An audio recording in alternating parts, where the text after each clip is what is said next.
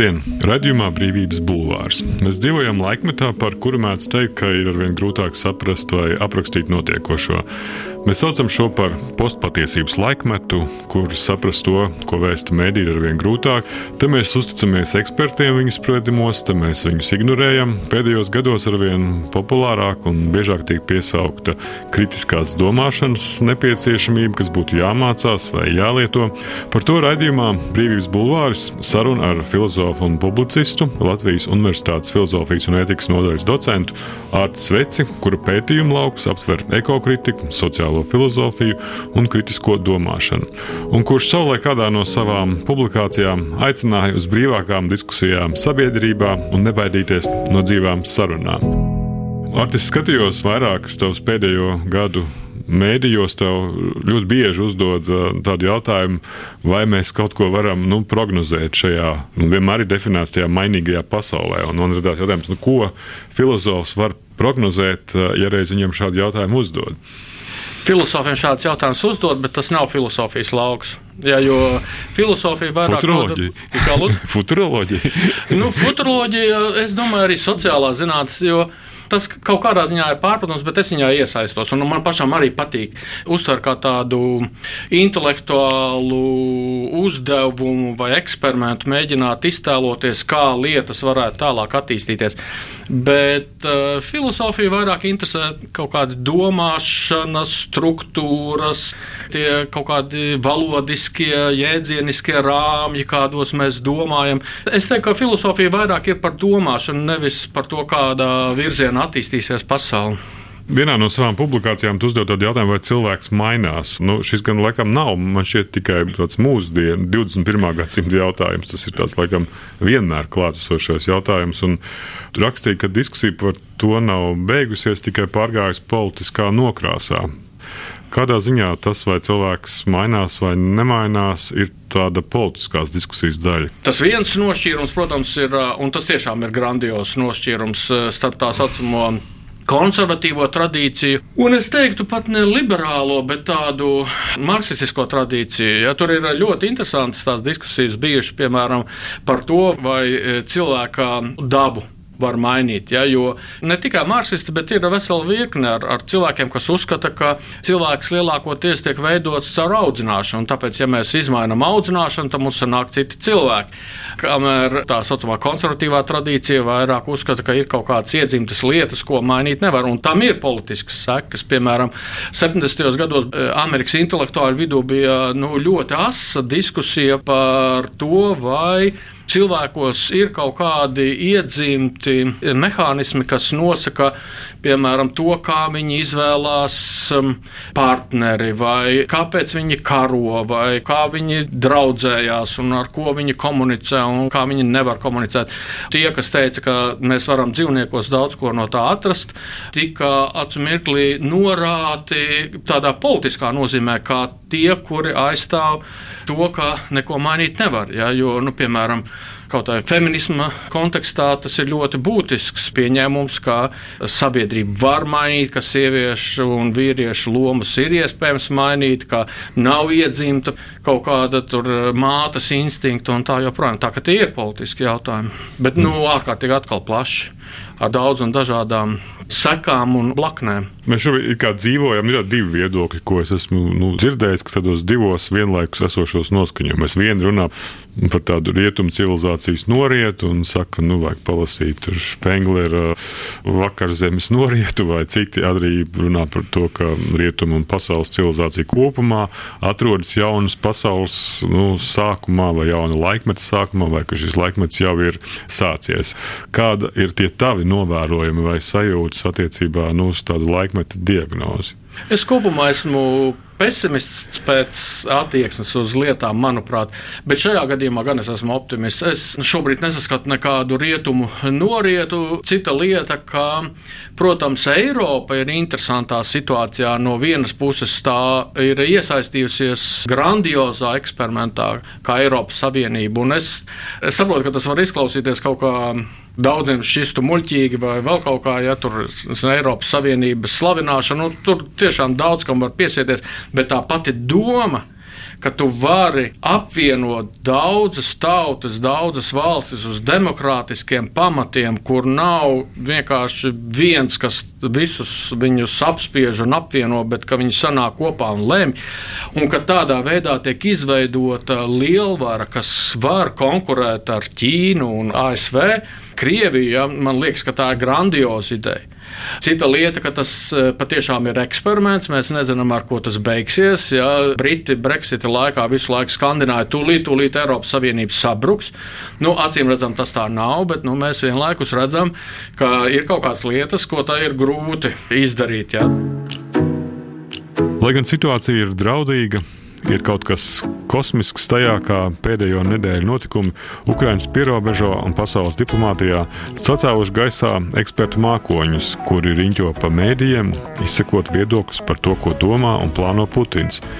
Vienlaikus jāatzīst, lai gan man ir daudz citu lietu, ko darīt, un es nekādā veidā neesmu eksperts ģeopolitikā, ļoti grūti ignorēt notiekošo uzmācības īpašu sajūtu, ka patiešām esam liecinieki kādiem vēsturiskiem notikumiem. Tā portālā Satorija raksta filozofs Artis Svece. Bet eh, kādā veidā tad būtu veidojama nu, tā komunikācija ar šiem nekritiski domājošiem cilvēkiem, lai tas nu, neeskalētos vai neizraisītu konfliktus? Es domāju, ka atkal dažādi līmeņi. Tādā sabiedrības līmenī, es domāju, tas pirmais un pamats ir nepazemot, neizsmiet, nenoliegt vienkārši kā nebūtisku šo viedokli un tad var kaut kā sākt sarunu. Bet nu, tā personiski ļoti grūti daudz par to šobrīd raksta un interesēs. Skaidrs, ka, ja mums ir darīšana ar cilvēku, kurš tiešām kaut kā radikāli atšķirīgi izprot to situāciju, tad um, viens ir tas, ka uh, skaidrs, ka vienkārši tāda argumenta pret, ja tu runā pretī, ka tas nedarbojas. Kas te parādās kā tāda versija, uh, kā ir iespējams mēģināt um, to viedokli mainīt, tas ir uh, pašā cilvēkā atrast nevis pretrunas, bet nu, tas cilvēks pats pamana ka viņa uzskatos ir kaut kas pretrunīgs un nesakarīgs, kas atsevišķos gadījumos var cilvēkam likt tā kā aizdomāties. Bet ir jau reizes, kad cilvēks vienkārši to atmet un, un saka, lai ko tu man teiktu, es domāju tā. Laiks jau daudz ko noliek savā vietā. Eh, tikai problēma ir tāda, ka tas, kamēr tas laiks paiet, tikmēr kari sākas un beidzas, cilvēki mirst un tā joprojām. Jautājums, protams, arī cik liels ir tas konflikta apjoms. Tu pats kaut kur rakstīji par to, ka latvieši ir diezgan miermīlīgi protestētāji. Arī Jā, tad, kad nu, viņiem ir šāda veida konflikts, atsaucoties uz to 2008. gada situāciju. Jā, bet, nu, diemžēl, tu nekad nevar zināt. Jā. Atkal, kurš gan varēja domāt, ka, ka Angļi ir tik dusmīgi uz kaut ko ka tagad izdara šādu lēmumu. Ja? Tad, eh, tās liecības jau visu laiku bija. Man patīk, tās uh, britu komēdija, ja? jā, ministra kungs un jā, premjerministra kungs, kur viņi smējās par Eiropu un saka, nu, ka vispār nu, tā, tie briti tur nekad īsti tajā Eiropā nav. Tu vienkārši tajā pasmējies, un tagad tu skaties pēc cik tur 20, 40 gadi ir pagājuši kopš tā laika, un tagad tu ieraugi, kā tas izspēlēs. Tā ka to mēs īsti nevaram paredzēt, un arī Latvijas gadījumā mēs nevaram paredzēt pēkšņi pēkšņi var kaut kas tā kā uzsprāgt, un kur mēs pat neesam gaidījuši. Bet, eh, redz, nu, tas atkal ir jautājums par paredzēšanu. Mēs paredzēt īsti Neko daudz nevaram, bet mēs varam pastāvīgi strādāt pie tā, lai kaut kas tāds nenotiktu. Un viens no veidiem, kā to darīt, ir um, runāt, diskutēt. Politiķi nu, dažkārt atsaucas uz ekspertiem, ka nepieciešams pamatot savu viedokli, un tad savukārt eksperti, kuri ir uzrunāti palīdzēt, atsakās turpināt dot politiķiem padomus, jo viņu ekspertu viedoklis netiekot ņemts vērā. Vai un kam tā ekspertīze ir vajadzīga, un uh, varbūt tiešām tas ekspertu laiks ir beidzies, kā teica tas britu politiķus, ja mēs viņus. Nu, ekspertu laiks nevar tā vienkārši beigties viena iemesla dēļ. Proti, šobrīd tās informācijas ir tik daudz, ka neviens nevar visu aptvert. Tā kā mums uh, vajadzēs ekspertus. Nu, cita lieta, protams, e, viens ir, ko mēs saucam par ekspertiem. Droši vien, ka uh, varbūt mēs pārāk viegli lietojam šo jēdzienu, kas ir ir varbūt riskanti arī tāpēc, ka, ka es domāju, ka te ir tāds zināms paradoks. Ja, no vienas puses, jā, mēs daudzos jautājumos neusticamies ekspertiem vai uzskatām, ka Katrā ziņā man ir brīva izvēle, piemēram, lemt par savu ķermeni, vakcinēties vai nevakcinēties, un tā joprojām. Bet no otras puses, mēs kaut kā ļoti paļaujamies uz ekspertiem un ļoti daudz ko no viņiem sagaidām. Un tad, piemēram, neviens sociologs vai epidemiologs nevar precīzi paredzēt slimības no epidēmijas attīstību. Un tie modeļi nav domāti kā tāds simtprocentīgi pareizs prognozes. Ja? Tagad mēs sakām, nu, jūs mums tagad prognozēsiet, Mēs kaut kā iedomājamies, ka mums ir darīšana ar kaut kādiem brīnumainiem cilvēkiem, kas nezina, ko var izzināt un kaut kā visu pasauli atšifrēt. Tagad, ja viņi kļūdās, tad mēs esam vīlušies un sagrauti un sakām, nu, tie nu gan nekā nesaprot. Bet tā situācija, man liekas, ir cita. Nu, mēs reāli dzīvojam pasaulē, kurā mēs e, nezinām nākotni. Nu, mēs nevaram paredzēt nākotni. Vienīgais cilvēks laika gaitā ir iemācījusies kaut kādus rīkus izmantot kas mums vismaz kaut ko ļauj nojaust vai kaut kādus virzienus norādīt. Un eksperts vai šajā gadījumā teiksim, tas prognozētājs ir labāks nekā nekas. Vienkārši tāpēc, ka mums nekā cita nav, vai mums nekā labāka nav. Bet ir kļūdaini iedomāties, piemēram, kā ārsts nevar kļūdīties, tad tas ir normāli, ka ārsts var kļūdīties. Jo tas pieņēmums, ka, piemēram, ārsts var izārstēt jebkuru slimību, viņš vienkārši ir kļūdāns un pat grūti saprast, no kurienes tas ir radies. Ja? Jo pirms simts gadiem neviens tā nedomāja. Ja? Šobrīd mēs kaut kā mēs pieņemam, ka tas ārsts atrisinās uh, jebkuru jautājumu. Tāpat mēs pieņemam, ka, ja tur ir statistiķis, tad viņš varēs prognozēt precīzi, kā tā pandēmija attīstīsies. Bet no tā, ka ir šīs kļūdas, neizriet, ka šis prognozētājs mums nav vajadzīgs. Vienkārši tāpēc, ka mums nekā cita nav. Bet mums ir vajadzīga prognoze, bet viņai ticēt nevajag. Jā, tas ir tas grūtais. Brīvība, robežas, personība, vara, tauta, ideja, viedoklis, nākotne, dzīve un attieksme. Radījumā Brīvības Bulvārs saruna ar filozofu un publicistu Artu Sveci, kura pētījuma lauks ir sociālā filozofija un kritiskā domāšana. Man liekas, ka filozofija kā reiz ir viena no tām jomām, kas ļauj tev samierināties un saprast, ka ir daudz kas neskaidrs un nenoteikts, un ka tev ir jāmācās dzīvot nenoteiktā pasaulē, jo viņa ir nenoteikta un tur neko mainīt nevar.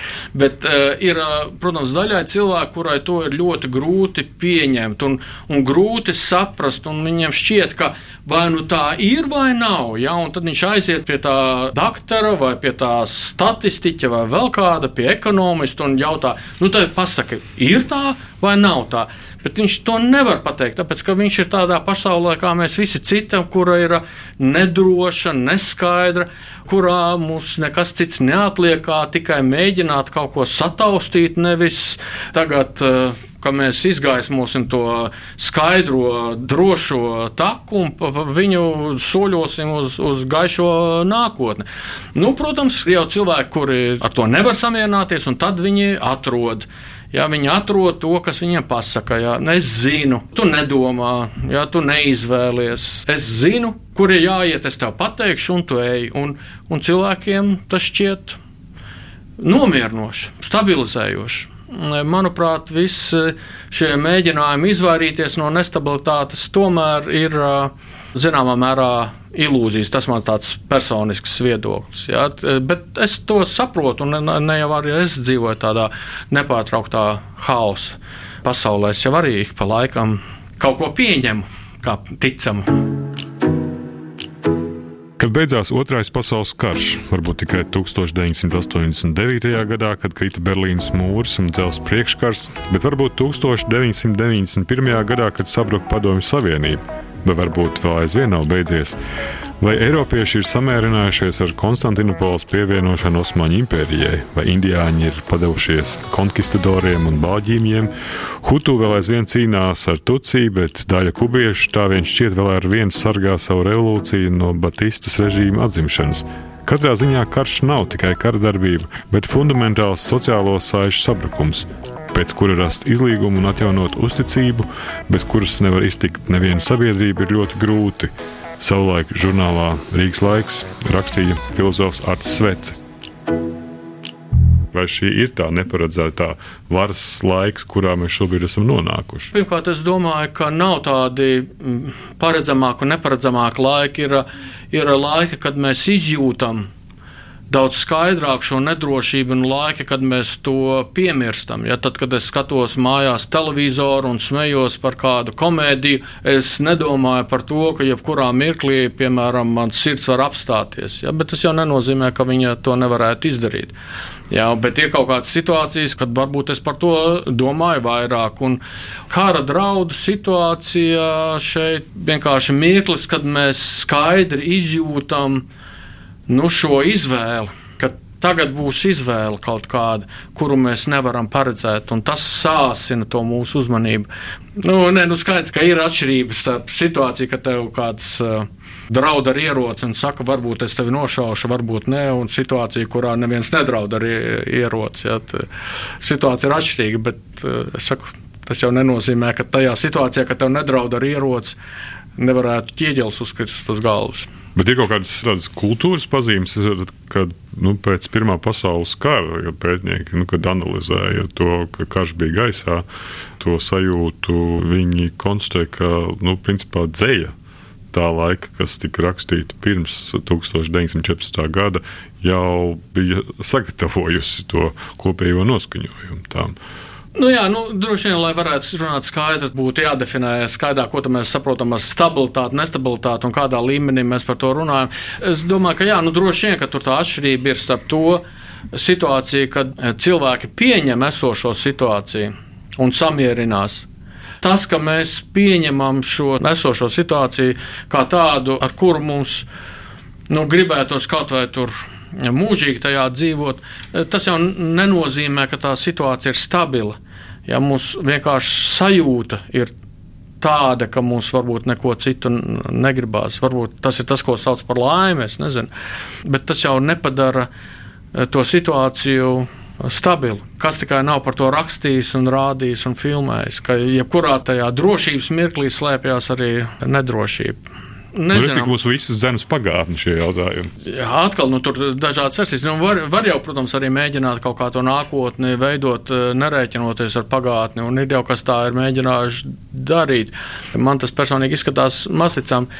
Man patiešām liekas, ka Mm, laiku pa laikam ir vērts mēģināt kaut kā raksturot un saprast to savu laikmetu, ja, jo tādā veidā mēs nu, savā ziņā mēģinām to stabilitāti atrast, ja, uz, uz mirkli kaut ko kaut kā sakārtot. Ja, jo tādā arī man liekas, kā jau teicu, ja, ka tādā totālā haosā dzīvot ir ļoti grūti. Ir jau filozofi, kas to, ir, to iespēju ir apcerējuši. Ja? Tas pats kā Mīsīs, Arthurs, e, viņa tajos romānos kā reiz parādās cilvēki, kuru dzīvē nav nekāda veseluma, ja? kuri dzīvo katrā mirklī. Un tad tā dzīve viņas sajūg, viņas sadrūp e, pa tādiem mozaīkas gabaliņiem. Bet tā dzīvot ir e, ļoti grūti, vai visticamāk arī diezgan neiespējami. Ja vien atkal mēs e, neejam kaut kādos īpašos pasaules uzskatos. Ja? Ikdienā tomēr vajag kaut kā savākt, vai kaut kā sakārtot, un, bet tā kārtība nekad nav pastāvīga. Tāpēc mēs ik pa laikam mēģinām tomēr tajā daudzveidībā un haosā atrast kaut kādu stāstu, atrast kaut kādu kārtību. Nav tā, ka tam stāstam nevajag ticēt. Jā, tu arī kaut kad teici, ka tām prognozēm nevajag ticēt. Nu, tas, tas nav tik vienkārši. Ja? No vienas puses ir muļķīgi, burtiski noticēt prognozē, burtiski noticēt uh, mūsu laikmeta raksturojumam. Ja? Teiksim, teikt, ka nu, šis ir pēcpatiesības laikmets. Nu, protams, ka tas nav tik vienkārši. Bet tas bija arī veidots ar filozofu, mēģināja to reflektēt par to ar mērķi, lai radītu, kā tu teici, nu, šo stabilitātes sajūta, ka mēs nosaucām, tagad mēs dzīvojam pēcpatiesības laikmetā, ir skaidrs, domāju, kur mēs ka... dzīvojam. jā, jā nu, jo es domāju, ka tas sakārto kaut ko tādu. Ir, patiesības ir daudzas faktus pārbaudīt mēs nevaram, jo faktu ja, nu, tu vari daudz ko gribēt, jā, bet tās ir divas eh, dažādas lietas - saprast, kas notiek un panākt, lai notiek tā, kā tu vēlies. Un tad um, man, ap citu, personīgi vienmēr vairāk ir interesējusi tā saprāšana, saprast, kas notiek. Kad es nosaucu kaut ko par pēcpatiesības laikmetu, es radu kaut kādu stāstu, kas man ļauj norentēties. Ja, jo arī tajā 16. gadā daudziem, un it sevišķi kaut kādiem liberāliem intelektuāļiem, tas bija šoks. Vispār nevar saprast, kas notiek. Un tad viens nāk klājā ar stāstu, un viņš saka, es zinu, kas notiek. Ja? Ir pēcpatiesības laikmets, un viņš ah, jā, vai tas nozīmē, ka teiksim, tas ir ideālais stāvoklis, kurā es gribētu būt? Nu, nē, bet, bet tas tomēr arī nav haoss, ka es nesaprotu, kas notiek, un atbilstoši es arī varu veidot kaut kādas savas stratēģijas. Ja? Tā skaitā, nu, es saku, tagad eh, jāpopularizē kritiskā domāšana. Es esmu kaut ko sapratis. Ja? Tā ir zināma kārtība, un cilvēkam šie stāsti ir uh, vajadzīgi. Ja? Atkal no kurienes tā, to grūti pateikt. Varbūt kaut kādā ziņā pat, pat iedzimta lieta, ja? Te, salikt kaut ko uz mirkli vismaz pa plauktiņiem. Radījums Brīvības Bulvārs. Sarunas par to, kas notiek un ko mēs par to varam domāt. Šogad ir vēlēšanu gads, kad mēs varam runāt arī par tādu nu, populismu pieaugumu publiskajā retorikā. Kā tev šķiet, vai populisms ir kaut kas nu, negatīvs, kas būtu iznīdējams, izskaužams, vai mums nu, patīk vai nepatīk? Tomēr tā ir arī daži apzīmē, ka populisms ir nu, demokrātijas ideoloģija. Bet populismu tu definē? Nu, populismu tādā nozīmē, ka piedāvāt pievilcīgas idejas, kuras, nu, izmantojot tādiem demagoģiskiem līdzekļiem, nu, nonāk pie varas principā jebkura vēršanās pret politisko eliti. Nu jā, redz, viena tā izpratne populismam ir, ka populisms ir vēršanās pret uh, politisko eliti, un patiešām cita būtu tāda, ka populisms ir vienkārši izpatikšana sabiedrībai. Un viņas dažkārt arī saskan šī abas lietas. Es domāju, ka tas nav saskan. viens un tas pats. Jo, redz, ja mēs runājam tieši par to vēršanos pret eliti, tas patiešām ir šobrīd daudz kur, un tā skaitā Eiropā. Eh, es teiktu, nopietna problēma, bet tur jāsaprot, ka elite tur arī ir pie vainas, un tie eksperti arī pie vainas. Un tādā ziņā populisms no vienas puses, jā, viņu var tā kā noraidīt, bet no otras puses, te nav runa vienkārši par um, nu, kaut kādu cilvēku muļķību, ja kuri tagad nesaprot, kā valdīt, un viņi tagad grib realizēt idejas, kuras ir nesakarīgas un neiespējamas, un tā joprojām. Man šķiet ļoti ticama tā versija, ka vēršanās pret elite elite lielā mērā tomēr sakņojas tajā, ka elite ir pavieši izturējusies pret lielu sabiedrības daļu, un tā skaitā arī eksperti, intelektuālā elite. Ka tā attieksme ir bijusi nu, pārāk augstprātīga. Jā, tagad, ko nozīmē ņemt vērā nu, tautas, viedokli. tautas viedokli? Tas ir jautājums par samēru. Ja, jo no vienas puses eh, skaidrs, ka tu nevari darīt visu, ko tev tagad saka. Ja? No otras puses, ja tu vienkārši neuzklausi un nemēģina saprasties, un kad cilvēks jūtas vienkārši ignorēts, un tādi. Nu, Tā tas arī notiek jā, sabiedrībā. Populisms daļēji sakņojās tajā, ka daļa sabiedrība vienkārši tiek ignorēta, viņas viedoklis ir ignorēts, un demokrātijā to nevar darīt. Protams, varētu teikt, jā, bet, bet tagad, ja mēs darīsim, kā tauta vēlas, tad mēs uh, izdarīsim kaut kādas uh, muļķības. Šeit ir tas politiskais balanss moments. Tu nevari vienkārši ļauties visam, ko tev saka, bet, uh, ja tu ignorē, tad uh, tu būtībā radi konfliktu, kurš var kaut kādā mirklī uzspridzināt tev visu. Šī izjūta, ko tu vari un ko tu nevari atļauties, un kā atrast to līdzsvaru, tā ir tā politikas māksla. Nu, to nevar tā iemācīties. Ja, tur jābūt izjūtam. Bet kā mēs protam, tā mēs dzīvojam. Ļoti iespējams, ka mēs darām kaut kādas lietas, par kurām mums e, nāksies maksāt. Bet nevajadzētu iedomāties, ka ir kāds, kurš tagad varētu atnākt un to visu kaut kā atrisināt, lai mums tā visas šīs lietas eh, sliktās nenotiktu. Ļoti iespējams, ka mēs sevi eh, iedzīsim tagad kapā, nodzīvosimies līdz kliņķim, izmantojot to apkārtējo vidi tādā veidā, kā mēs to tagad šobrīd darām. Bet no tā neizriet, ka tu to vari problēmu atrisināt, ieceļot vienu uh, diktatoru, kurš visiem liek rīkoties ekoloģiski.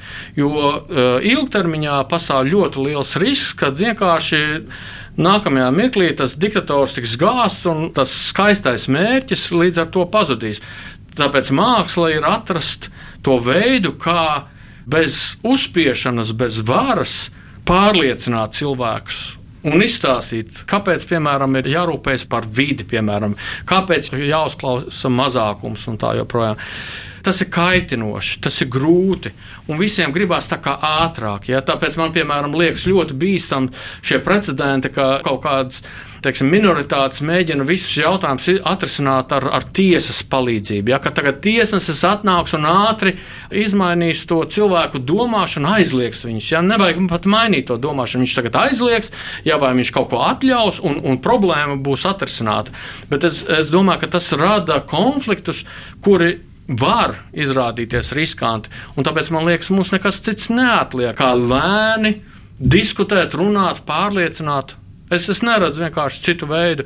Nu, cilvēki ir tādi, kādi viņi ir. Tas, ka tur varētu kaut kāds tirāns tā vienkārši visu atrisināt, man liekas, tā ir uh, ilgtermiņa. Tas var darboties tikai uz mirkli. Interesants, vai analizējot pašreizējo šo politisko līderu, ne tikai Latvijas, es domāju, ar pasaules līmenī, nu, retoriku, mēs varam nu, saprast par to, kas notiek vai kas tiek veidots. Jo to es lasīju šīs lekcijas par retoriku, kurā viena no daļām, kāds minēja, arī ir šī runas māksla.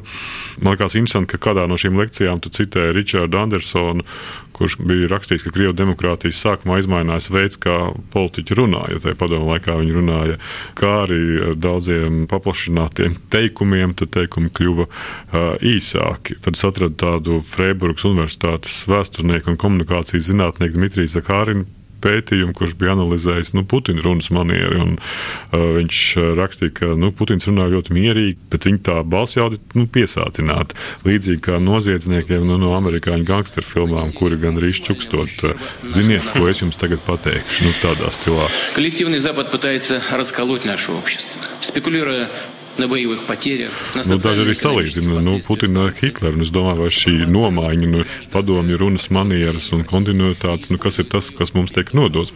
Nu, Pirmkārt, protams, Hitleru un Putinu salīdzināt daudz dažādu iemeslu dēļ nav vērts.